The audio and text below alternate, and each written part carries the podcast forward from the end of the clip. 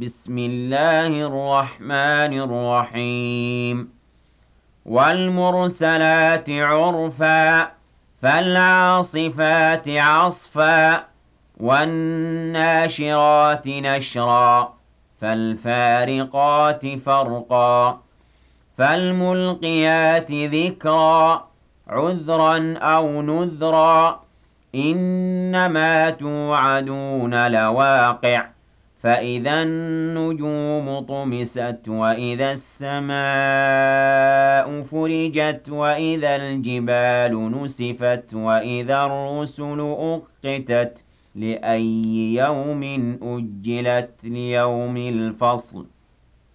وما أدراك ما يوم الفصل؟ ويل يومئذ للمكذبين. ألم نهلك الأولين ثم نتبعهم الآخرين كذلك نفعل بالمجرمين ويل يومئذ للمكذبين ألم نخلقكم من ماء مهين فجعلناه في قرار مكين إلى قدر معلوم فقدرنا فنعم القادرون. ويل يومئذ للمكذبين. ألم نجعل الأرض كفاة أحياء وأمواتا وجعلنا فيها رواسي شامخات وأسقيناكم ماء فراتا ويل يومئذ للمكذبين. انطلقوا إلى ما كنتم به تكذبون. انطلقوا إلى ظل ذي ثلاث شعب لا ظليل ولا يغني من اللهب. إنها ترمي بشرر كالقصر كأنه جمالة صفر.